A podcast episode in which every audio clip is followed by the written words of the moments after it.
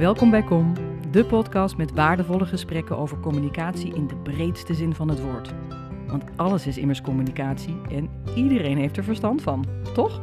Mijn naam is Bianca Groot en ik ga in gesprek met mensen om die zaken naar boven te halen waar communicatieprofessionals wat aan hebben. Of elke professional eigenlijk. Dus kom, lekker luisteren. Gonda Duivenvoorde, communicatiestrateeg, trainer, coach en mede-auteur van de Psychologie van Communicatie.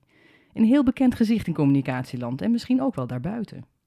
Wars van het kennishouding en gedragmodel, voorvechter van het checken van aannames en vervent uitdrager van het feit dat intentie heel wat anders kan zijn dan effect. Gonda, welkom. Oh, wat een mooie inleiding, dankjewel. Hij klopt wel, toch? ja, helemaal, volledig, Ja, ja, ja. dankjewel. Ja, maar heel, heel mooi gezegd. Fijn dat je er bent. Hey, ehm, welke rol speelt psychologie eigenlijk in communicatie? Ik ben natuurlijk geen psycholoog, Nee. maar communicatie is tussen mensen. Mhm. En we doen heel veel dingen bewust en onbewust, dat weten we natuurlijk inmiddels allemaal wel. Dus het is ongelooflijk belangrijk om te snappen hoe mensen denken, hoe ze tikken, wat ze nodig hebben, waarom ze de dingen doen die ze doen. En toen hebben we die titel gekozen. Inmiddels zijn we weer wat jaren verder. En er komt ook de neurowetenschapper bij. Mhm. Dus alles wat te maken heeft met waarom wij informatie tot ons nemen, niet tot ons nemen, iets doen of niet doen, kan je helpen in je analyse en uiteindelijk natuurlijk ook helpen bij welke oplossing je kiest. Ja, ja. Dus want jullie zijn in 2018 Ja, is het, is eh, het boek geschreven? verschenen, ja. ja. Ja, ja, ja, ja. En er is geen eh, opvolging opgekomen. Nee, dat komt. Gerald is overleden in 2019. Oh, ja. En toen heb ik echt wel even. Ja, we waren heel. eh, We hadden enorme plannen met het boek. En eh, ik heb het gewoon even toen besloten eh, er niets mee te doen. Toen overleed ook mijn broertje en vervolgens mijn andere broertje binnen een jaar. Allemaal aan kanker. Daarom Ah, doneer ik nu ook geld aan als je het boek downloadt. Hè. Mhm. Dus het, het- ik heb het ook gewoon even gelaten. Ja, ja. En het is iets van ons samen. Mhm. Dus ja, ik ontwikkel weer verder. Ik, ben ook, ik ga altijd wel weer door. Dus een herdruk heb ik ook niet. Twee herdrukken en toen dacht ik, klaar. Ja, precies. En, maar als je nu kijkt naar eh, 2018, zo'n tijdje, tijdje terug ook weer. Nu heb ik de indruk dat er heel veel over gedragsbeïnvloeding, gedragsverandering gaat. Wat, nou ja, toch best wel ook raakt aan wat je in dat boek hebt geschreven. Ja, zeker. Ik denk dat een van de dingen die in mijn optiek toen al eh, door ons heel erg belangrijk werd gevonden, is dat gedrag kun je zien. Dus het effect van wat je wil bereiken, op het moment dat je dat kan zien, kan je dat ook als uitgangspunt nemen om terug te redeneren. En intentie, iemand heeft een intentie, ja, prachtig. maar dat wil, is echt niet één op één effect. En wij, wij Gerard was natuurlijk socioloog. En ik heb in alles wat ik heb gedaan, ook met mijn coachopleidingen en mijn opleidingen tot trainer, ging het altijd over gedrag. En als programmamanager bij SRM ging het over leren. Hoe leert de mens? Dus gedrag is altijd bij mij mee gaan lopen. Dus ik vond het altijd heel logisch. Ja, ja, ja. En ik Ja. heb ook heel veel discussie ook gehad hoor, met trainers die zeiden: kennishouding, gedrag, we kunnen het niet hebben over gedrag. Ik zeg: nee, we hoeven niet 100% verantwoordelijkheid te nemen voor gedrag. Maar op je meet, als je weet wat voor gedrag je uiteindelijk wil zien, kan je wel je afvragen: welk deel kan communicatie dan doen? Wat kan communicatie dan daaraan bijdragen? Dus voor mij is het altijd een logische geweest. Ja, dat is grappig dat je dat zegt, want toen ik studeerde, honderdduizend jaar geleden, was altijd wel het, dat kennishouding gedrag, hè, dat, dat was echt het ding van toen. Maar er werd ook altijd bij gezegd, maar gedrag is niet van communicatie. Ja, ja klopt. Maar dat is het inmiddels natuurlijk wel. Gelukkig wel. Ja. Ik ben daar heel blij mee. Ik ben er echt heel blij mee. Maar waar begin je dan? Als je, hè, je, je hebt een, een, een opdracht of een interne communicatieopdracht, eh, als je zelf ergens op een afdeling werkt. Hoe, begin je, hoe vlieg je zo'n vraagstuk dan aan? Ja, voor mij zijn wel meerdere dingen. Daarom heb ik ook, eh, dat heb ik eh, als, als vervolg op het boek. Mhm. Dat is een communicatie mozaïek. Dus daar heb ik stap 1. Dat gaat letterlijk, heet dat de intentie. Dus dat is, waarom is Waarom wil de organisatie iets? En dan niet heel hoog over, hè, want dat doen we altijd. Ja, de organisatie is op aarde voor X. Nee. Welk belang heeft de organisatie om deze opdracht, hè, of dit project, of deze vraag, wel direct belang, zodat ik dat een beetje aan elkaar kan koppelen. Dan vind ik het altijd heel belangrijk om te weten met wie ik te maken heb. Want ook die opdrachtgever zit natuurlijk in zijn eigen werkelijkheid. Dus wat voor opdracht heeft de opdrachtgever? Dus het gaat nog steeds niet over communicatie. Nee. Dus welke intentie heeft dus de organisatie met het vraagstuk? En ik wil ook altijd weten van de opdrachtgever welk gewenst, concreet gedrag wil die dan uiteindelijk zien of horen, maar vaak zien. Dan snap ik ook hoe hij denkt. En dan ga ik naar de grondhouding. Dat is nog steeds intentie van de organisatie. Wat heeft de organisatie in het verleden laten zien? Uh, met zijn mensen, hè, cultuur zit tussen mensen, Ja, ja. set van gedragingen. Wat, wat kan ik er allemaal uithalen? Wat klopt bij die vraag? Want als dat al een beetje gaat wringen, dan moet ik al denken: hé, wacht eens even, ze Ja, gaan iets vragen wat tegen de grondhouding ingaat. Nou, dan noemen we dat altijd met een mooi woord cultuurverandering. Is maar de vraag of dat lukt. Hè? Ja, precies. Kijk, cultuur is uiteindelijk wat mensen gaan doen. Hè? Maar je zou bijvoorbeeld, kijk naar een organisatie, heeft die een bepaalde historie. Stel je wil een nieuw ICT-programma of een applicatie in de organisatie voor elkaar krijgen. Dan is het heel belangrijk om te weten, wat is nou de historie rond dit thema? Maar ook de historie van het bedrijf. Hoe is het ooit ontstaan? Waarom worden die mensen aangenomen? Wat heeft de vorige lijn gedaan? Dus je krijgt daarmee zicht op hoe mensen acteren in dat bedrijf en Mhm. waarom. En je kunt dan al in die intentie kijken, hé hey, wacht eens even, de vraag hoort heel erg bij deze grondhouding.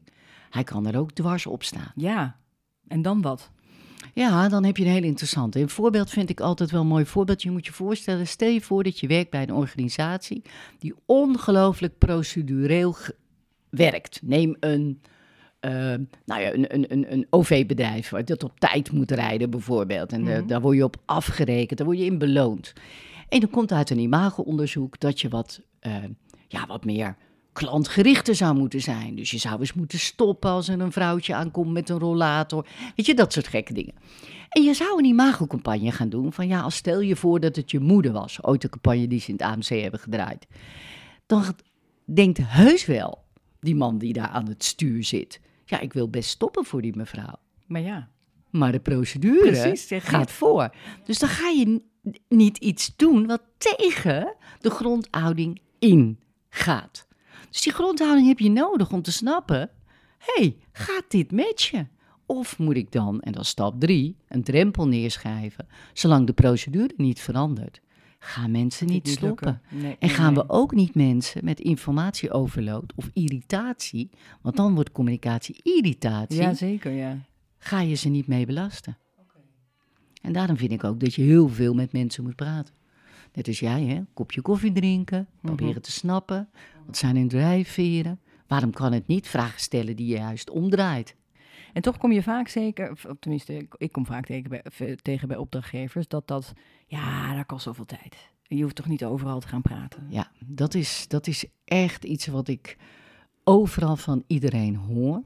Ik weet nog dat ik als een jong, jong, nou ja, communicatie Meisje. meisje, om maar zo te zeggen, mijn eigen bureautje had. Ja. Noemde ik ook nog een bureautje. Oh, wat erg. Ja, ja, ja, we hebben het allemaal een keer meegemaakt. Mm. Eh, dat wat, merkt, wat ik merkte, wat de opdrachtgevers heel goed eh, hielp, zei ik van ja, maar ja, ik ben eh 28. Degene waar we mee gaan communiceren zijn 40ers, 50ers.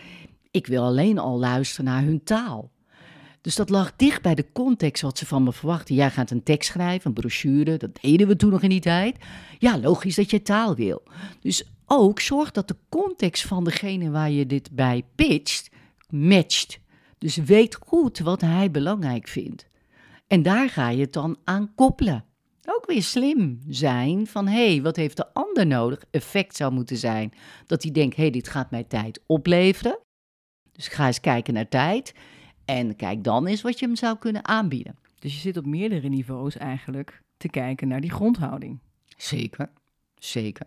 In stap 2 worden het patronen. Dan ga je kijken, wat hebben nou Het collectief meer. Ja, maar ook het patroon in de vraag zelf. Dus als jij mensen een ICT-programma wil laten, hè, er moet een applicatie, Ja. noem maar op, en die mensen moeten gaan leren, dan ga je kijken wat zijn hun patronen als het gaat over leren. Dan wordt het meer gericht op de ontvanger. Grondhouding is het hele bedrijf en bij die stap 2 ga je juist heel erg richten op die ontvanger. Maar ook, en die vind ik altijd heel mooi, waar zijn ze afhankelijk van? Kunnen ze het autonoom? Of, nou, als de leidinggevende zegt, joh, uh, dat gaan we niet doen, zit er een afhankelijkheid. Dat kan in een mens of dat kan in een persoon zitten. Dus dat analyseer je ook mee. Ik, ik vind het allerbelangrijkste eigenlijk dat je tijd, als je jezelf tijd ontzegt om goed te analyseren, Mhm. dan is de kans dat je een goede strategie en een goede uitvoering maakt gewoon veel ja, minder. Ja, ja, ja. Ja, dat is letterlijk. Dus ik durf wel in mijn trainingen tegen mensen te zeggen: hoe serieus neem jij jezelf en het vak? Oeh, dat is nogal een uitspraak. Ja, dat, ja dat, maar dat, daar sta ik wel achter. Wat, wat zie je vooral om je heen, de communicatieprofessionals? Ehm, net wat jij ook zegt, hè, dat mensen zeggen: ja, maar daar krijg ik geen tijd voor. En dan vraag ik ook altijd: je kan ook toestemming achteraf vragen. hand, ja, ja, ja, precies. Heeft iemand aan jou gezegd, hè? dat zeg je ook tegen een accountant, ik wil graag de jaarrekening, maar ik wil dat je begint bij grootboeknummer 2500. Nee, ik bedoel, hoe jij je werk inricht is toch hopelijk van jezelf. Mhm. Dus je zou kunnen zeggen, doe dat zelf. En dan zeggen mensen, ja, maar Gonda, dan krijg ik geen namen. Dan denk ik, wees creatief. Ik heb het ooit een keer meegemaakt, hè, dat ik een, een campagne deed. En dat ik zei van, ik wil heel graag dit met een doelgroep, iemand uit de doelgroep, ook zo'n woord, ik ben nog steeds geen alternatief, noem het nu maar ontvanger. Heel graag wil ik dat mensen het met ze doorlopen. En toen werd er allemaal geroepen, dat kan niet en bla bla bla bla. Wat ik toen heb gedaan, eh, toen heb ik gezegd, ja, anders neem ik de opdracht niet aan. Dat is dan no Q, no pay. En, eh, je- geachte luisteraars, als je denkt, dat kun jij doen als externe, Ja, precies. ja, maar ook ik moet eten. Dus even, Ja, het is ja, echt ja, wel een keuze die je moet maken. We hadden het er net ook over. Dat je soms even moet zeggen, tot hier en niet verder. En dan komt dat gesprek er ook. En toen kreeg ik geen eh, metaalbedrijf in dit geval. Nou, dan ga ik zelf zoeken. En toen ik eenmaal zei dat ik met een metaal, iemand in een metaal, een directeur in een metaal, ging kijken naar zo'n product. Toen wilde iedereen opeens mee. Nou, ja, Prima. Ja, ja, ja, dan maar Ook- zo. Ja, ik, ik, ik wil ook altijd positief en steeds gewoon kijken, waar kan het wel? Mhm, mhm. Probeer daarin. Wij zijn heel creatief. Maar we worden heel moe van al die spelletjes en al die... Weet je, zet je creativiteit eens in om te kijken van... hoe krijg ik het wel voor elkaar? Ja, ja. En het brengt je zoveel. ja, zeker. En een van de dingen die ik nog wel herinner van vorige gesprekken, dat jij, eh, die, die blijft me altijd bij, dat je zei, als communicatieadviseur of professional, kom van die bureaustoel af. Ja, ja. En dit is precies de reden waarom je dat zou moeten doen. Het is... Weet je, die computer die kan heel veel. ChatGTP, zet hem aan, jongen. Laat hem lekker een leuke tekst Ja, schrijven. precies, en ga ja. dat kopje koffie drinken met... Zeker bij interne communicatie. Je collega's lopen om je heen. Ga dan eens lunchen bij een andere tafel. Pitchen is een verhaal. Het, ja, en weet je, ik kan dat niet afdwingen. Ik zie ook echt verschil. Ik zie mensen die een opleiding doen, die, die vaak ook een opdracht hebben. Het lijkt ook wel dat dat helpt. Hè? Van, als je zo'n mozaïek ook gaat invullen, zeg je van tegen je opdrachtgever... ja, kijk, ik moet dit invullen, zullen we het even samen doen? En dan zien ze hoe leuk die opdrachtgevers dat vinden. Ja, Dus ook een beetje die strategische dingetjes inzitten van hoe krijg ik ze nou in beweging? En er zijn ook heel veel mensen die zeggen, ja, ik heb daar, ik heb daar, ik vind het spannend, ik wil er geen tijd voor maken. Of ja, dan krijg ik heel veel informatie, of N is één, allemaal waar. Ja.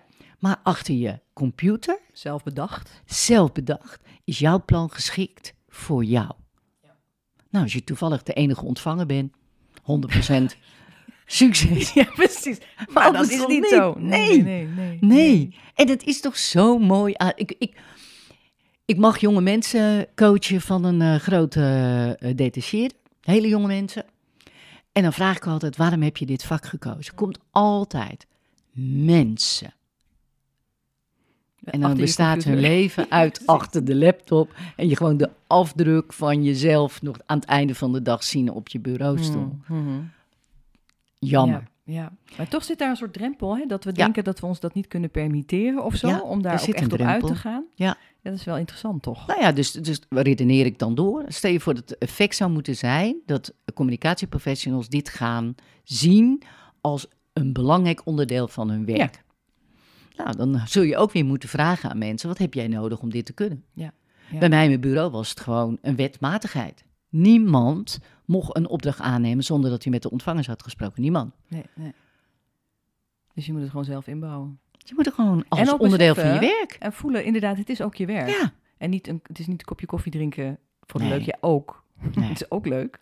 Maar het brengt je wel degelijk Ja, die input. zeker. Ja. En ik merk het ook hoor. Ik merk dat, ehm, en daar, ben ik, daar heb ik dan maar mijn beroep van gemaakt door veel trainingen te geven. En mensen dit steeds te laten doen als oefening en dat als een opdracht te laten zien. Dan zie je dan heel mooi dat ze terugkomen. Gonda, dit was leuk. En ik heb dit eruit gehaald. En ik vertelde tegen mijn opdrachtgever. En die zei, maar dat wist ik helemaal niet. Want we zitten vol met aannames. ja. En dan zie je dat er iets gebeurt. En ik hoef niet op allerlei podia dit te verkondigen. Ik doe het gewoon niet klein met mijn trainingen. En ik word zo blij. Gisteren ook weer een jonge dame. Inmiddels boven de 40. Maar ja, goed, ik zeg altijd, ik ben natuurlijk een beetje zenuw aan het worden. Die zei tegen me, Gon, toen ik startte aan deze masterclass, na drie dagen had ik het plezier in mijn vak weer terug. Oh, wauw. Toen dacht ik, dat hoor, en dat hoor ik heel veel. Dat hoor ik heel veel. Want we willen het wel, Ja. maar we ontzeggen het onszelf. Hoe krijgen we dat toch gekeerd? Ja, de hectiek van alle dag. Je moet eens kijken wat je op een dag doet, waar je, zou je jezelf de vraag eens moeten stellen. Je, je krijgt een opdracht, je moet iets maken, je moet iets weet ik veel wat. Hoeveel impact denk ik nu te kunnen hebben met communicatie? Hoe zinvol is mijn werk? En als het niet zinvol is, dan ben je bezig met een zes. Met niks, ja. Gewoon niks. Mm, mm, mm. Probeer het dan alsjeblieft. Of ga het gevecht aan, zo zit ik in elkaar. Ik ga echt dat gesprek aan.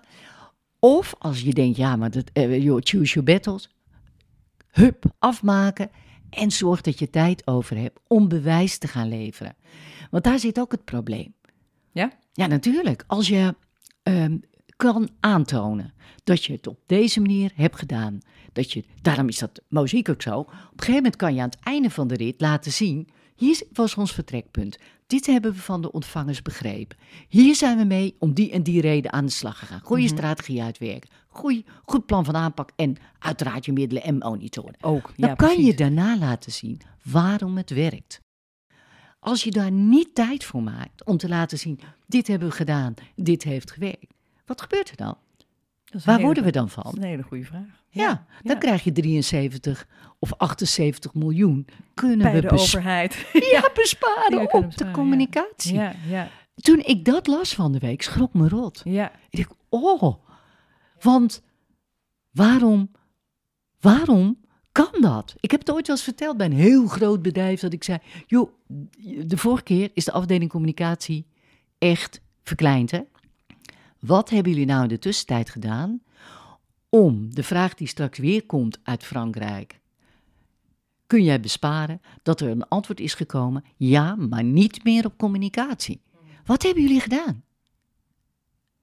En daar spreek ik dan hoofdcommunicatie op aan. Ik denk dat heel veel hoofdcommunicatie eh, daar een slag in zouden moeten gaan maken. Ja? Ik denk echt dat het ze helpt door goed na te denken.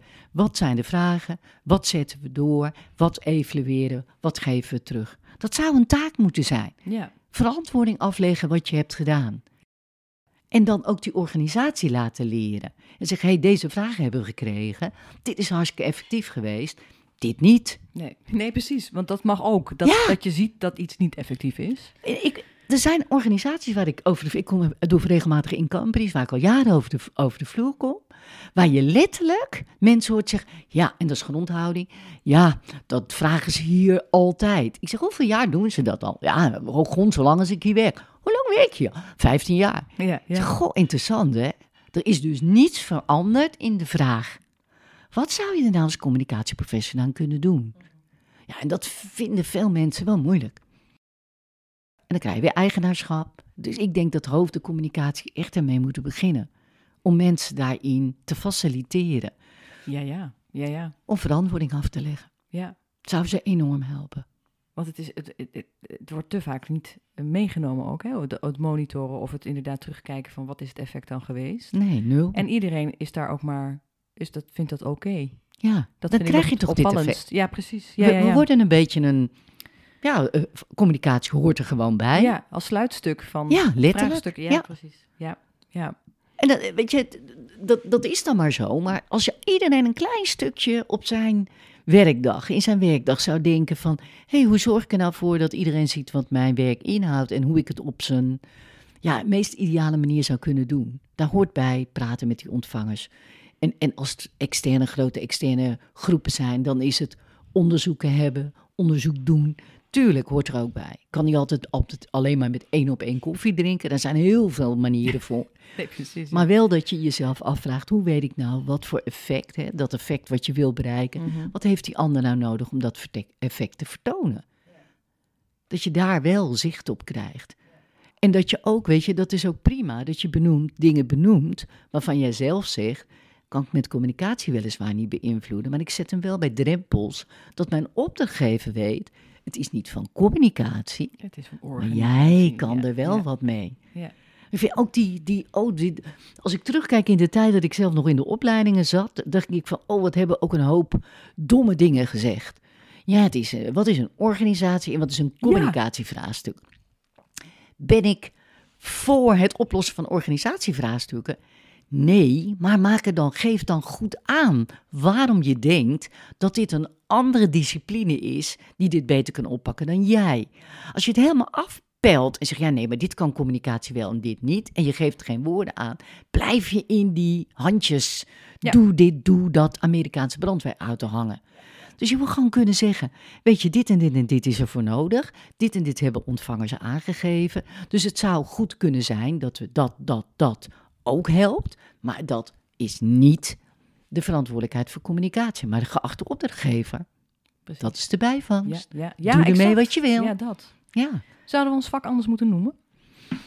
dat is zoiets als toen eh hogeschool in Holland herbenoemen toen het misging. Hè? Dat is natuurlijk een nou valkuil. Ja, ja, ja. Ik, je ziet natuurlijk veel bedrijven en ook ehm, organisaties wel allerlei andere woorden gebruiken. Hè? De gedragsverandering, eh, dat, dat, dat ga je steeds meer krijgen, tuurlijk. Maar de afdeling communicatie, ook al zou het anders noemen, blijft de afdeling communicatie. Communicatie. Ja. Die trouwens ook prima eh, heel veel heeft aan mensen die de handjes zijn, hè? Die gewoon eh, Ah, dingen die maken. heb je ook. Tuurlijk, het is een prachtig onderdeel van je vak. Maar het is nog leuker, echt nog leuker, als je iets maakt waarvan jij weet, maar dit klopt helemaal Ja, bij wat ik. Ja, Ja. het gaat wel doen. Dat is toch veel leuker? ja, ja, vinden wij. Ja, dat is ook wel zo, ja. Ja, Ja, want misschien, ja, daar hadden we het net even in het voorgesprek over, hè? Zijn er mensen die denken, nou, aan mijn eh, lijf geen polonaise, Ja, nee, maar die- geen zin in. die, die kom ik natuurlijk ook tegen. Laten Ja. we daar heel eerlijk in zijn. Ja. Mensen die het gewoon prima vinden en het ook leuk vinden om dat te doen. En dat heb je misschien wel. Dat heeft ooit wel Logijn ooit eens be- proberen te bedenken. Moet je nou gradaties maken ja, in ja, mede- profielen, beroepsprofielen, ja, ja. Dat is allemaal heel complex. Ik denk dat het eh, ongelooflijk goed helpt dat je als afdeling communicatie ook één of twee keer per jaar zegt: hey, wat hebben we nou met elkaar bereikt? Hoe gaan we de volgende periode in? Waar leggen we eh, eh, accenten? Dus Mhm. niet alles doen, maar waar leggen we echt ja accenten? welke keuzes Focus we? aanbrengen. Ja. Welke keuzes maken we? Dat gaat je ook helpen. En elkaar helpen. Veel meer met elkaar bijvoorbeeld dingen doen. Die in company die ik nu doe, dan heel veel van die tussenopdrachten is dat je je eigen canvas, je eigen mozaïek in mijn geval, Mhm. invult. En dat ze dan terugkomen. Vind ik zo leuk. En dan zegt ze, Gonda, zo gaaf om dat samen te doen. Ja. En dan zeg ik, oké, dit hoor ik altijd. Maar nou de volgende vraag. Hoe gaan jullie in het vervolg, als dit zo leuk, en leuk is dan effectief als je even Ja, ja, ja. doorvraagt, hoe ga je dit nou organiseren? En dan valt het stil. Mm. Dus ja, dan krijgen ze een opdracht, organiseer het. Mhm. Maar dit gaat helpen. En wat is, dan, wat is dan de grens die mensen tegenhoudt om dit gewoon op te pakken, mee te nemen in hun... We zijn patroonmatig. Het is altijd, Dus mensen je zijn, gewoon weer terug in je oude dingen. je valt zo snel weer Mm. terug in je oude patroon. Het leuke is wel dat eh, deze organisatie waar ik nu voor werk, die heeft het wel zo ingericht dat er nu terugkomdagen zijn, dat er een spreekuur is. En dan zie je dat er een, en dat is altijd zo, en dat is ook logisch, Je het een- houden eigenlijk. Ja, dat er een groep is die dan in beweging komt. En dit is echt wel je, je eerste groep. En dan zie je dat die groep naarmate de tijd vordert vanzelf groter wordt. Ja. En we willen altijd als garnalenvissers iedereen dezelfde kant, neuzen dezelfde kant. Dat gaat niet. Dat, dat, dat, we we doen niet ook alles. dat moet. Ja. Is- ik denk van niet. Laat dat maar beginnen. En laat die paar koplopers die graag willen, ga die dan vragen om evaluaties, presentaties te geven hoe de manier van werken nu is. Kan allemaal prima. ja, ja. Maar je moet wel ik, misschien is dat het allerbelangrijkste. Ik gun eer, elke communicatieprofessional veel meer tijd om een stapje naar achter te zetten en te reflecteren. Als dit nou gebeurt, wat zou ons dan helpen en wat hebben we dan nodig? In plaats van reactief Ja, dingen en we, op te werken, pakken. we hebben gewoon veel te veel werk. We hebben echt veel te veel Ja, werk. dat is wat ik ook altijd hoor. Ja. Ja. Hoe kan dat dan? Ja. Doen we dan zoveel dingen die eigenlijk geen zoden aan de dijk zetten? Ik denk dat als je aan een individuele communicatieprofessional hoort, of die, als die zou scoren welke dingen die denkt dat echt impact hebben en welke niet, dat je wel eens kan schrikken, ja. Ja. Van het percentage wat eigenlijk geen impact heeft. Ja, en, en heel veel vraagtekens. Dat mensen zeggen, ja, maar Gonda, dat weet ik Oh, weet niet. ik eigenlijk niet. Ja, ja, ja. Ik doe heel veel, denk maar ik dat- weet niet wat het effect is. Ja, ik denk dat dat wel aan de hand is. Mhm, mhm. ja. En ja, dat, ik ben wel resultaatgericht altijd geweest. Ik vind het ook leuk om eh, dingen voor elkaar te krijgen. Daar, daar hou ik van. Dat ik denk, oh, dat is toch gaaf. En ik vind het ook leuk om, en dat is misschien de tweede, ik vind het ook heel, heel belangrijk dat ik ervan leer. ja. Dus ik vind Dat leren echt, ook. dat is mijn, ja, dat is Ja. voor- mij mijn middle name. Nieuwsgierigheid en leren. Doordat je nieuwsgierig bent, je wil leren, dan kan je, als je altijd hetzelfde doet en je verandert er niks aan en je denkt, maar je hebt ook geen idee wat het effect is. Ja, Wat ben je dan- dan aan het doen, hè? Ja. ja, routine. Nou, daar ben ik Ja. een beetje wars van. En de meeste communicatiemensen ook. Want de breinvolkeuren, waar ik er zeker 25, inmiddels 3000 profielen heb van communicatieprofessionals, zijn allemaal rechterbrein. Ja? Houden van mens, mensgerichte taken. Mhm. Vinden het ontzettend leuk juist om met creativiteit bezig te zijn, om te verzorgen, om te helpen, allemaal waar. Ja, en die linkerkant, die wil cijfers, die wil feiten. Die moeten we wat meer aanzetten. Ja, ja, ja, ja. Ja. ja. ja. En gelukkig doen we dat niet meer hoor, dat, dat- dikke plannen. Ik geloof niet dat er heel veel... Dat is wel een beetje weggeëpt. dat is gelukkig wel, eh, wel weg.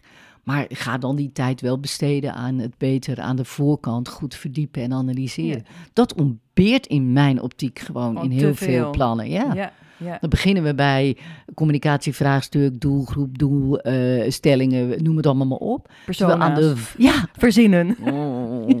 Ja. Vooral aan die voorkant gaan zitten. Waarom wil de organisatie dit? En waarom zou Ja. die ander het überhaupt willen om dat voor jou te doen? Dat is ook nog een hele interessante. Zeker weten, ja. Ja, ja. Ik geen vind het alleen maar boeiend. Dat maakt het vak in mijn optiek zo boeiend. En als je dan kijkt naar dat communicatiemozaïek, dan, dan beslaat dat alles wat jij nu net beschrijft, Ja. aan, ook aan stappen. Hè? Die analysefase, die intentie. Van Eh, intentie Dan het effect, Ja. de gap. Wat, is het, wat, wat, wat, wat, wat kan je met communicatie oplossen? Wat zou je nog moeten overbruggen voordat communicatie succesvol is? Wat is een drempel? Met andere woorden, hartstikke belangrijk, maar niet oplosbaar met Mhm. communicatie.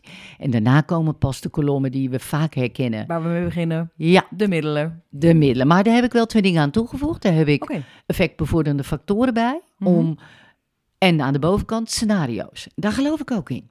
Dat je scenario's gaat bedenken als ik dit middel inzet. Hè, je kan een scenario bedenken op breedte van de opdracht. Maar je kan ook eens je middel eh, voor jezelf neerzetten. En bij alles zeg ik, zet er altijd achter en dan. Stel je voor dat je dat middel hebt gemaakt en dit gebeurt er en dan. En dan. Wat daarna.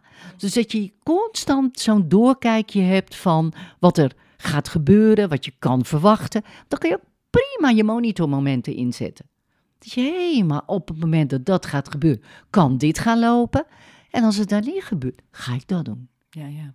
Dat is zo fascinerend, dat is leuk. Maar is het ook niet een soort loopje waar je dan eigenlijk in werkt? Hè? Want dan ga je, daar komen ook weer vraagstukken uit die je dan weer 100%. opnieuw moet gaan bekijken. Hè? Zo. 100 procent, ja. En misschien is dat ook wel eens waar mensen tegenaan lopen. Dat ze dan zeggen, ja, maar dan komt dit erbij en dat Ja, erbij. Ja, dat kan niet, dat past niet in Ja, het dat- mozaïek. Nee, dat geeft niet. Dan zeg ik, het is een, blok, een bloknoot, een nieuw vel, Ja, ja, ja, ja. nieuw vraagstuk. Ja, precies. Dat kan zomaar. Ja, Dat kan zomaar. En je kan prima afbakenen. Hè? Dat je zegt, nou, voor deze opdracht tot hier en niet verder. Nou, leg er een vel naast en zeg maar, dit ben ik ook te weten gekomen. ja, ja, dat zouden ook nog paadjes kunnen zijn die Ja, we gaan natuurlijk. verkennen. Ja, natuurlijk. ja, ja. Als, je, als je effect wil, hè, dat moet je dan wel als eerste tegen jezelf zeggen. Ik wil echt effect hebben met communicatie. Dan kan je wil je. jezelf... Dat hoop ik. Dat hoop ik. Als je dat wil.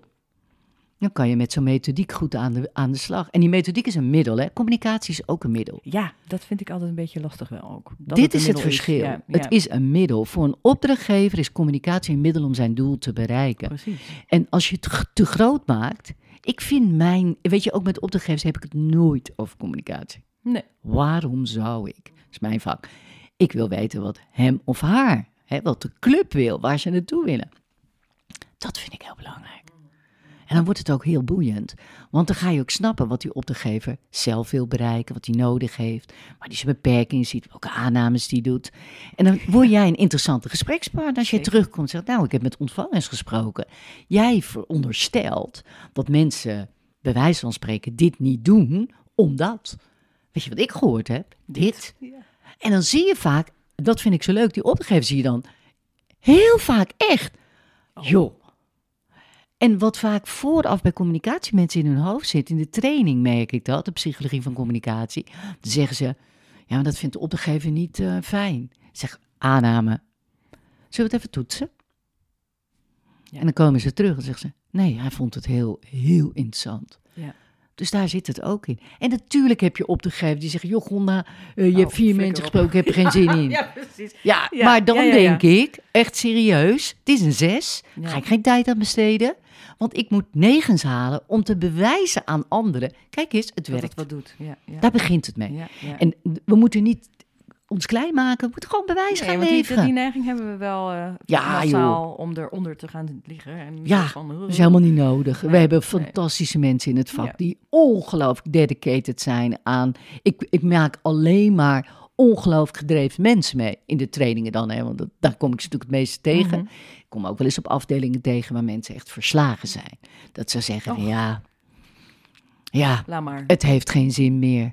En dat, eh, weet je, dan doe ik echt mijn best om ze te helpen. Dan helpt die 6 en 9 altijd. Hè? Want het is altijd hilarisch dat ze zeggen, ja, nou, ik ben weer bezig met de 6. ja, ja, Zeg, ja, ja, "Ah, waar komt je 9? Waar komt je 9? Laat het zien, joh. Ja, Laat het zien. Maar dat zet wel weer iets aan misschien ook bij die Ja, ja, mensen, zeker. hoor. Oh, ja. Gaat die vonk weer een beetje aan. Zeker, zeker, zeker. Dat is, eh, dat- dat is wel, denk ik, eh, iets wat ik, eh, wat, ik, wat ik goed kan en ook heel leuk vind. Om mensen weer sterretjes in hun ogen te laten krijgen over het vak. Want je kiest ervoor, het is een mooi vak. En als je het mag doen op de manier die bij je past, zodat je input hebt, zodat je je creativiteit kan laten vloeien. Want als je geen input hebt, ja, nee, dan is zwart scherm, jongens. Oh, ik moet er niet aan denken. Ja, Dan, ja. eh, dan krijg je echt eh, wel weer blosjes op de wangen. En dan zeggen mensen, ja, dit is echt een mooi vak. ja, Het is echt een mooi vak. het is een mooi vak. En het is ook een vak in transitie, als ik het zo mag zeggen. Ja, En dat vind ik dan wel mooi. Daar begonnen we eigenlijk mee. Dat je ziet dat die gedragsverandering heel belangrijk wordt en gedragsbeïnvloeding. Zijn er nog andere vakgebieden die jij ziet waar wij van kunnen leren? eh, hè, wat we mee kunnen nemen in wat we Ja, zien of wat ja. we willen weten? ja ik, eh, ik heb ehm, recent mogen werken met iemand die is cultureel antropoloog. Die gewoon echt eh, onderzoekt hoe mensen vanuit een andere geloofsachtergrond, een andere cultuur. Ja, fascinerend. Ja? Dat, is, dat is natuurlijk, daar zijn we heel beperkt in. Hanan eh, met haar boek Inclusieve Communicatie, Oh, ja, die ja. ook dat is dan weer een ander die ook heel duidelijk aangeeft van... je kunt bijna niet uit een ander diversiteitsspectrum denken. Dus haal die mensen erbij. Dus ik denk dat participatie, omgevingscommunicatie... iets waar ik ook heel erg in geloof... maar ook die technieken daarbinnen... dat je die ook zou kunnen gebruiken... ook juist bij vraagstukken Ja? die breder zijn. Dus je zou... Ik denk dat ons vak veel rijker zou worden... als we multidisciplinair gaan denken. Ik denk dat je communicatie multidisciplinair met een team multidisciplinair moet gaan inzetten. Mhm. ChatGTP, we hebben het al over gehad. Ja, AI, wat er allemaal op ons afkomt. Niet bang voor zijn. Zou toch heerlijk zijn dat al die mensen die jou vraagjes stellen over content op intranet, dat je die allemaal een training geeft, ChatGTP, en dat zij dat allemaal zelf doen.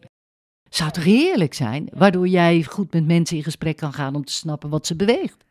Precies. Maar het vereist wel dat we opnieuw gaan kijken, zeker door, door AI, eh, opnieuw gaan kijken naar wat, wat, wat breng ik dan als communicatieadviseur meer? Ja. Hè? En hoe ga ik daarmee om met het Ja. hele AI-verhaal? Wat, wat, wat, wat zie jij daarbij? Ja, ik denk dat je. Dat, je dat, dat vind ik ook altijd zo gek. Want ik vind ik echt heel gek. Ehm, op afdeling communicatie doen we bijna allemaal hetzelfde. En Ja. ik denk dan, zeker bij grote afdelingen waar ik dan af en toe over de vloer kom, dat ik denk, waarom hebben we hier geen superspecialist die ChatGTP ehm, helemaal tot in zijn haarvaten? En dat je dus op een bepaald moment met elkaar gaat zeggen, op een afdeling communicatie, iedereen zijn, waar die sterretjes van in zijn ogen krijgt, daar ontwikkelt hij zich verder op. En dan creëer je al een klein multidisciplinair team Ja. op het moment dat jij vraagstukken met elkaar gaat belichten. Mhm. Veel meer samenwerken, veel meer meerkleurige perspectieven inbrengen. Zorg ook dat je diversiteit hebt in je team. En als het er niet is, haal het uit, uit, uit je bedrijf. Dus er lopen overal mensen. En dan krijg je in mijn optiek een veel rijkere schakering aan mogelijkheden. En communicatie is niet op één doel ontvanger. Er zijn er zoveel met verschillende belangen. Je moet ook veel meer durven denken in sporen. Communicatiesporen. Dit spoor gaan we deze kant op. Dit spoor is voor die. Dat spoor is voor die. En dan ga je gewoon daarboven hangen en kijken wat werkt nou voor die. Wat werkt voor die. Daarom ben ik blij dat er geen plannen meer zijn. Maar wat er niet voor teruggekomen is, is we gaan op weg. Kijk ook maar i- met innovatie. We gaan op weg. Dan kijken wat er gebeurt. En dan gaan we weer door. Ja. Daar moeten we wel naartoe. Daar moeten we echt voor gaan vechten. Ja, en ook meer dat loopje maken eigenlijk, hè, waar we het net over Constant. hadden. Ja, constant. Ja. Als je iets doet, kijk wat het effect is. Wat werkt, blijven doen. Wat niet werkt, mee stoppen. Wat beter kan, verbeteren. En weer door. En opnieuw, opnieuw. Ja. Maar even terug naar het AI-verhaal. Daar ben jij niet bang voor. Helemaal niet. Dat het, Nee. je, gaat, dat het je overbodig gaat maken. Nou ja, ik zei al net tegen jou, gezien mijn leeftijd. Ehm, nee, ik denk, ik, denk, ik denk niet dat het. eh, eh, eh, ja, ik denk dat een deel van ons werk overbodig gaat worden. Maar de vraag is, wat krijg je ervoor terug? Mhm. En de vraagstukken zijn zo dynamisch waar we mee te maken hebben. We hebben zoveel meer nodig, kennis van gedrag. Waarom doen mensen wat ze doen? Dat, dat, dat zou toch, toch heerlijk zijn dat je daar tijd voor kan maken om je daar veel meer mee bezig te houden. En ChatGPT, ja, voor mij is het, ja, als je een nieuwsgierig brein hebt, hoe leuk is het om van alles en nog wat te vragen? Geniet ervan. Gewoon uitproberen. Ah, ja, experimenteer alsjeblieft. En ga niet zoals toen Twitter kwam, eh, de sociale media, dat iedereen zei, goh, dit gaat nooit gebeuren. En ik dacht alleen maar, zie nou eens wat het je Ja. ook kan brengen. Geest is uit de fles, gaat nooit meer erin terug. Nee. Omarm het. Dat Kijk is, wat je dat ermee is de kan. grote tip van jou, omarm het. Ga Omarm kijken het, ga hoe kijken. het werkt, wa- wat je ermee kunt, hoe het voor je werkt. Ja, experimenteer. En natuurlijk, ik snap allerlei redenen. Dat hoor ik ook altijd mensen zeggen. Maar daar zijn juristen voor. Daar is straks wetgeving voor, regulering, wat wel en niet mag. Maar zolang we mogen, geniet ervan. Ja, Experimenteer. experimenteer. En als ik jou nou vraag, wat, wat, welk klein dingetje kunnen we morgen anders doen? Wat, waar, waarmee we meer op het spoor zitten van hè, wat jij eh, predikt, zeg maar, bijna in je Ja. communicatiemozaïek. Wat zou dat zijn? Voor mij is het aller, allerbelangrijkste dat je met de opdrachtgever scherp krijgt wat het concreet gewenste gedrag moet zijn. Als ik dat niet weet, heb ik oprecht geen idee waar ik op uit moet komen. Ga je mee verdwalen, ik weet de weg. Dus begin daar echt je opdrachtgever mee te bevragen. En als hij het niet weet, heel vaak zal je dat ook ontdekken, knutsel dan samen. Doe een voorzet. Zou dit het kunnen zijn? En zou je blij zijn als mensen dit zeggen of dit doen? Doen het, zichtbaar. Dat is zo belangrijk. En natuurlijk, ja, dat snap je. Met mensen praten of onderzoeken raadplegen om te gaan snappen welk, als je, welk, als je dat effect eenmaal hebt, want daar moet je mee beginnen, daar kan je niet overslaan, Nee. wat zij dan nodig hebben om dat te kunnen. Ja, dus je moet het ook echt gaan ophalen wat er dan nodig is. Ja, Ja. ja. Ja. Veel meer, veel meer. En dat geeft je zoveel input, echt serieus. En dan niet, en dat zie ik ook, want ik, ik ontwikkel steeds door. Gisteren ook zo'n eh mozaïek gedaan met mensen. Dan zie je dat er heel veel informatie komt. En dan zeg ik ja, en durf ze nou allemaal los te trekken. Want anders wordt het een enorm groot bord spaghetti. Ja, dat. Dus En ga dan? kijken, wat zijn barrières voor mensen die je met de communicatie kan beslechten? Ja, ja. Dus welke communicatiebarrière pak je op met welke strategie? Dus trek ze ook los. En durf ook op een bepaald Niet alles moment... hoeft in één keer opgelost te worden. Dat is een Nee. beetje wat je zegt. Nee, precies. En ook als je bijvoorbeeld een, een, een dit was dan bijvoorbeeld een ICT-applicatie die komt in een enorm gevoelig bedrijf dat als er maar iets misgaat, dan hebben ze daar heel veel problemen mee. Zorg ook dat je dan weet dat mensen die, in, die angstig zijn niet Ja. leren. Die Oh, kunnen niet Nee, leren. precies, dat gaat Dus niet. dan kan je zeggen, er moet een zekerheidsstrategie komen, zodat mensen de zekerheid hebben dat ze geen fouten maken die in dit geval levens kunnen kosten. Dus dat jij heel goed communiceert over hoe het is geborgd dat dat leerproces in het praktijk het geen schade kan Ja, aanbrengen. ja. Nou, en dat, dat zijn natuurlijk ontzettend leuke dingen. En dat Ja. is één ding. Dan moet je niet alles bij. Dat zie je dan, prikken we er nog van alles bij. Ja, maar ze moeten ook weten Oh, wanneer belangrijk beginnen. dat. Ja. En dat ze koffie krijgen en een gevulde koek. Nee. Eén barrière. Dan ga je naar de volgende. Dan naar de volgende. En dat op het moment dat je het allemaal af hebt, dat je al die barrières zeg maar zo'n beetje snapt, dan ga je op een bepaald moment zeggen, waar begin ik mee? Of wat kan ik misschien combineren? Dat, En is doe je heerlijk. natuurlijk ook Ja. samen met je opdrachtgever. Zeker. Ja, ja, want daar ga, Ja. je niet over. daar ga je dan weer niet over. Daar, de- als het communicatiestrategieën zijn wel, als het drempels zijn, dan is het van mijn opdrachtgever. Ja, precies. Ja. En als ik het communicatiemozaïek nou leg naast het eh, strategisch communicatieframe van Betteke van Ruler, hè, dat, Ja. eh, want we hebben eigenlijk jarenlang zonder methodieken geleefd hè, als Ja, communicatie. en nu opeens- En nu ineens springen ze als padden zo uitleg. Althans, zo voelt het. Ja hoor. Uit de grond, moet ik zeggen. Want ook het communicatiemodel van Wil Michels is, Ja, is, eh, is is, ook er één. één. Ja. En misschien zijn er nog wel meer waar ik gewoon geen weet van heb. Ik eh, weet het ook niet zo. Ik ken het natuurlijk van Betteke. De Ja. Betteke heeft eh, losse, zeg maar, meerdere bouwstenen. En dat kan je dan... Er zit ook een, een, een- een, kopje accountability in. En er zitten allerlei kopjes in die... eh, ik denk dat je dat voor een afdeling, voor een visie te ontwikkelen... zou je er misschien wel wat... Hè, dan kan je daar mee Mhm. aan de slag.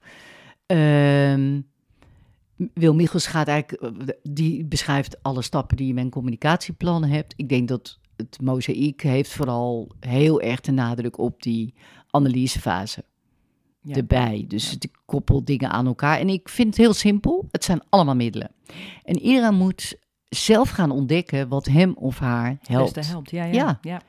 Eh, Misschien wel een combinatie van de drie mogelijke. Dat zou toch prima kunnen, Ja, weet ja, je. Ik, ben, ik ben geen... En waarom heb ik er zelf één ontwikkeld? Omdat op basis van mijn boek... grondhouding, effectbevormende factoren, patronen... ik heb er heel veel dingen bij gehaald... die weer niet zo 1, 2, 3 in het communicatievak Nee. zit. Dus die van mij is, denk ik... Zit er woord, dat haalde jij er ook mooi uit, grond. Wat is een grondhouding?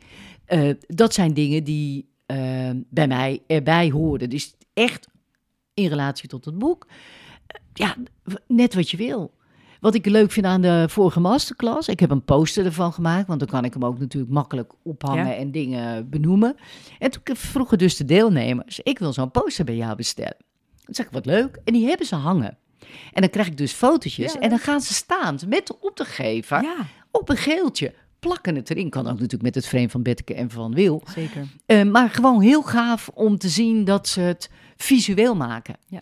En ik geloof daar ook in. Ik geloof er heel erg in als jij... Vroeger hadden we ook bij de KLM hadden we zo'n brown paper hangen... waarop je van alles en nog wat kon zetten. Ik denk dat ook het visueel maken van ons werk... dus niet alleen het product, de brochure... maar zo'n poster van welke methodiek Van je ook maar hebt... Ja, dat ook al helpt om zichtbaar te maken. Dus ja, van mij mag het allemaal. Precies. Maar Als wel met de maar- nadruk van, op die analysefase. Die- Voor mij is dat cruciaal. Jou, ja. ja. Een goede analyse is een, dan is de strategie en de middelen zijn zo logisch. En wat je dan krijgt, is dat je navolgbaar advies kan geven. Dat je tegen een opdrachtgever kan zeggen: Dit is wat je graag wil. Dit is wat er uit de ontvangers is gekomen. Hier zijn ze afhankelijk van. Dit betekent dat we daar een kans hebben. Dat dit eerst moet worden opgelost. Of dat we dat op deze manier kunnen oplossen. En dit is een drempel. Dan kan je zeggen: scenario's. Dit is het meest aannemelijke scenario op basis van de grondhouding en de patronen. Dus denk ik dat we deze doelen voor communicatie kunnen stellen. En ik kies deze strategie, middelen, et cetera. Dan kom je een stap verder. Ja.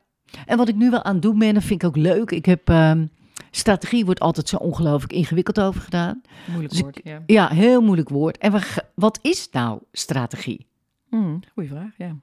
En kom je niet uit, hè, als je alles uitzoekt. Dus ik heb een heel mooi boek. Dat is Strategie is gelijk aan executie. Dik boek. Oh, mooi. Ja, echt, Ja. echt gaaf. Alleen wat wel triest is, nergens komt het woord communicatie in voor. Ook wel heel Oh, apart. nee. Dan denk ik, zo, hier is nog wel een hoofdstukje aan, aan te vullen. Ik ben nog pas in het begin. Maar daar staat ook heel mooi in dat het een kern is van een, eh, de kern van jouw uitdaging benoemen. Met daarbij welke plan van aanpak je er dan voor kiest. Dus wat is de kern? Dus er zit weer die analyse. En een samenhangend geheel van uiteindelijk acties. Hè? Dus even in, eh, op hoofdlijn. Wat ik daar mooi aan vind, is dat je en in je strategie dat wat je wil, die barrière die je gaat beslechten, maar ook daar goed bij, en dat woord heb ik heel groot geschreven, samenhangend. Zodat het consistent is. Dat is eigenlijk wat. En strategie is eigenlijk heel simpel. Strategie is kiezen. Mhm. Je kan dit doen en je kan dat doen. Dus waar kies je voor? En al die mensen, ja, een strategie en een strategisch plan. Zeg, maak er eens gewoon van, waar kies je dan voor? Dat is strategie. Dat is een te makkelijke vraag. Ja, Ja. Dat is een hele moeilijke vraag, eigenlijk. Maar het klinkt zo makkelijk. Ja, Ja, het minder chic dan strategie natuurlijk. Ja. Ja, dat is het. Daar zijn we ook allemaal mee begonnen. Ja. En allemaal dat soort Gaan prachtige we allemaal in mee. woorden. Ja, Ja, en we gaan er allemaal in Allemaal mee. stratege, maar goed. Grappig toch? Ja, leuk. Ja. Hey, wat zou je aanraden om nog meer te lezen of te luisteren of te kijken? Ja, ik ben, een, eh, ik ben echt eh, een fan van alles wat met neurowetenschap te maken heeft. Daar lees ik me echt helemaal klem op. Eh, ik weet altijd wat ik recent aan het lezen ben. Nou, dat is bijvoorbeeld strategie is executie. Ja. Het gepeste brein heb ik gelezen in de kerstvakantie. Fantastisch boek. Oh, wat is dat? Ja, dat is een boek. Het is uitgekomen in 2022. Het heet, eh, het, Amerikaans is het Bullet Brain. En dat gaat over wat, eh, wat dus ehm, ervaringen, maar dan negatieve ervaringen. Denk aan grensoverschrijdend, ouders, noem het allemaal op. Mhm. Wat dat met jouw brein doet. Maar het mooie is dat deze vrouw zoveel onderzoek heeft verzameld. dat ook als je niet een gepest brein zou hebben. je ongelooflijk goed gaat snappen hoe ons brein leert. hoe ons brein werkt. wat er voor nodig is. Fantastisch. En dat, Dat is van, weet je dat? Nee, ik weet niet aan mijn hoofd. Oh, gepeste- Zetten we wel in de show brein. Ja, dat kan je Ja, in de show ja. notes zetten. Eh, eh, ik hou dus heel erg... Ik lees eigenlijk geen communicatieboeken. Ik lees ook niet... Heel af en toe blader ik zo'n vlakblad C door. Of dat, maar dat heb ik allemaal niet. Ik heb heel veel over gedrag, brein, psychologie, antropologie. Dat vind ik ongelooflijk boeiend. Ik vind ook binnenlands bestuur, zo'n nieuwsbrief. Elke ochtend lees ik, want er staan ook altijd me- mega goede artikelen in. En ik geloof in iets heel simpels. Op het moment dat ik met iets bezig ben, dan ga ik kijken wat vind ik boeiend. Want mijn brein Zo weet je brein ook, hè? Ja, ja, precies. Ja, die ja. verslindt dat. Die denkt, oh, oh zit dat in Ja. zo in elkaar. Ja. Ik heb nu 3000 boeken thuis, die heb ik allemaal getagd. Dus als ik dan weer denk, oh ja, wat is dat ook alweer? Dan ga ik ze weer zoeken. Oh, wauw, wat georganiseerd. Ja, erg hè? Nou, weet ik Ja, niet. mijn dochter gedaan. Oh, Ik ben haar oké. eeuwig dankbaar. ik zou dat nooit kunnen, maar oké, leuk. Ja, dit- ja, ja, ja. En ik vind het ook heel leuk om weer oude boeken te pakken. En om eens te kijken van wat Want je verandert zelf erin. natuurlijk ook Je in je zienswijze en wat je weet in je ervaring. Maar er is ook heel veel goede ja, boeken dat je denkt, ja joh, zo zit het in elkaar. Ja. Zo zat het toen in elkaar, zo zit het nu in elkaar. Welk boek is jou het meest bijgebleven? Van alles? Van alles. Oh, wat een goede vraag. Wat is een boek wat mij heel erg bij is gebleven?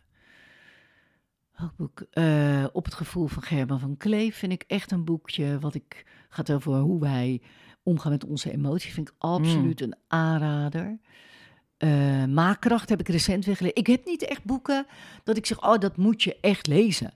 Nee? Dat, nee, ik heb Of de mega van het eye-opener, brein. of dat, wat ook in jouw leven misschien wel een verandering heeft teweeggebracht. Beetje op die tour? Nee, heb ik niet. Nee. Nee. Hmm. Ik haal overal wat dingen uit en eh, ik, ben, ik, ik weet ook nooit hoe een boek titelt. Het is al een wonder dat ik ze nu zo opeens paraat heb. ik zeg altijd Semco-stijl, ooit. Dat heb ik wel, dat weet ik nog wel. Ja, dat boek is een wit boek met een geel eentje. Eh, dat weet ik nog wel, dat heb ik toen gelezen en dat vond ik zo mindshift, omdat het toen ging over dat je mensen, eh, en dat als je kijkt naar gedragsverandering, is echt al een heel oud boekje, dat je dat het toch een rare filosofie is dat mensen huizen kopen, kinderen krijgen, verantwoordelijkheden nemen. Dan komen ze door de slagboom van het bedrijf, klokken in en zeggen dan: wat moet ik doen? Ja. Waanzinnige gedachte. Ja. Dus ehm, dat, dat vind ik boeiend. Ja. En boek, boeken over drijfveren, ook, ook een prachtig boek heb ik ooit gelezen in Barcelona, weet ik nog. Dat ging over eh, kinderen. Eh, dat je van alles met allerlei programma's kan ondersteunen. Maar dat eigenlijk de belangrijkste drijfveer is, is motivatie. Dus werk aan de motivatie. Nou, neem het COM-B-model bij gedragsverandering. Werk aan de motivatie en dan komen dingen juist vervolgens goed op zijn plek. Ja, dat vind ik fascinerende zaken. En dat klinkt allemaal zo simpel. Ja, maar, kom is er maar eens op. Nee, dat is het. Ja, en ook in het boek van Strategische Executie staat ook dat al die CEO's die zij ehm, hebben geïnterviewd en onderzoeken, dat blijkt dat heel veel veranderingstrajecten, waar ze allemaal zich bewust van zijn geworden, dat de harde kant wel goed zit, maar dat ze te weinig aandacht hebben gehad voor de zachte kant. Hoera, zeg ik. Halleluja. Ja, ja, dat zien jullie zeg niet, dat maar... ook maar. Ja. Zeg dat ook Ja. En hoe meer we dat soort... En ik geloof dat die, dat, dat steeds zichtbaarder wordt. Mhm. Maar het wordt wel belangrijk om te kijken, als jij dit interessant vindt als communicatieprofessional, zorg wel dat je op tijd op de boot stapt. Ja. Ja. Toch? Zeker weten, ja. ja. Want zo- Zo'n masterclass interne communicatie en de invloed op gedrag die we geven, gaat constant erover. Hé, hey, wat kun je dan beïnvloeden met gedrag? Maar dan moet je er wel wat van snappen. Mhm. En het is zo'n boeiende, het is zo'n boeiende wereld waar we nog zoveel in te leren hebben. Ja. En alsjeblieft, ik heb wel eens met Gerald erover gehad, want boeken, jij zegt dat, hè, van het grootste probleem voor communicatiemensen is dat ze de hele dag al bezig zijn met informatie. En moet je je eens even voorstellen, vraag ik ook wel eens aan mensen, heb je dan s'avonds nog zin om een boek te pakken? Nee. Daarom ben ik ook een fan van luisterboeken. De hond, luisterboek op mijn Podcast, oren, hè? jouw fantastische podcast, Dank. uiteraard. Dat, dat, al begin je daarmee mee. En er zit een klein voordeeltje bij, zeg ik altijd tegen mensen. Als je podcast gaat luisteren, zeker deze, ehm, ga je ook beter luisteren. Je vaardigheid luisteren is cruciaal. Je vaardigheid luisteren en vragen stellen. Cruciaal. Ik zeg niet luisteren, samenvatten, doorvragen. Ik zeg luisteren, signaleren en doorvragen. Op verbaal en non-verbaal. Mhm. En oprecht. Ah ja, ik zou het niet on- onoprecht kunnen doen. Nee, maar ja. Want je kan dit natuurlijk wel aanraden aan mensen om te doen. Maar het, er zit toch nog wel een laagje onder, wat mij betreft. Dat je echt nieuwsgierig moet zijn. Dat je Ja. echt moet willen weten Ja, wat daar Ja. dan leeft. En waarom doe je dan wat je doet. ja dat is het. Ja, Dat is het ook echt. Dat is het ook echt. En al op het moment dat je dat gaat doen, zo leuk. Ja, dat is het toch? Het is zo leuk. Want de- de- ook daar zit weer een voordeel bij. Ik verkoop het altijd, hè, dat hoor je wel. Dan zeg ik van, op het moment dat ik naar jou, hè, net zo, we hebben net een voorgesprek... en dan vraag ik dingen aan jou, denk wat boeiend. Ik leer van jou, omdat ik niet bezig ben met te bevestigen wat ik al weet. Mhm. Want dat weet ik al. Dus ik leer niks als ik alleen de hele tijd bezig ben. Oh ja, heb ik toch gelijk. Wat ons brein wel gewend is te doen. Dat is het. Shortcuts. Ja. Oh, dan bedoelt ze dit. Check. Ja, Nee, en door. Ja, ja. Wegwezen. Jij Maar ja, dan vertelt me moet je nieuwe wel dingen. oefenen, hè? Dan moet je wel echt oefenen. Ja, dat bedoel ik. Je moet oefenen. Je moet die patronen in je hoofd doorbreken, want dat is die nou eenmaal al heel lang gewend. Dus luisterboeken, podcast luisteren, vergroot je je vaardigheden mee. Denk aan het einde is, welke vraag puzzelt bij mij?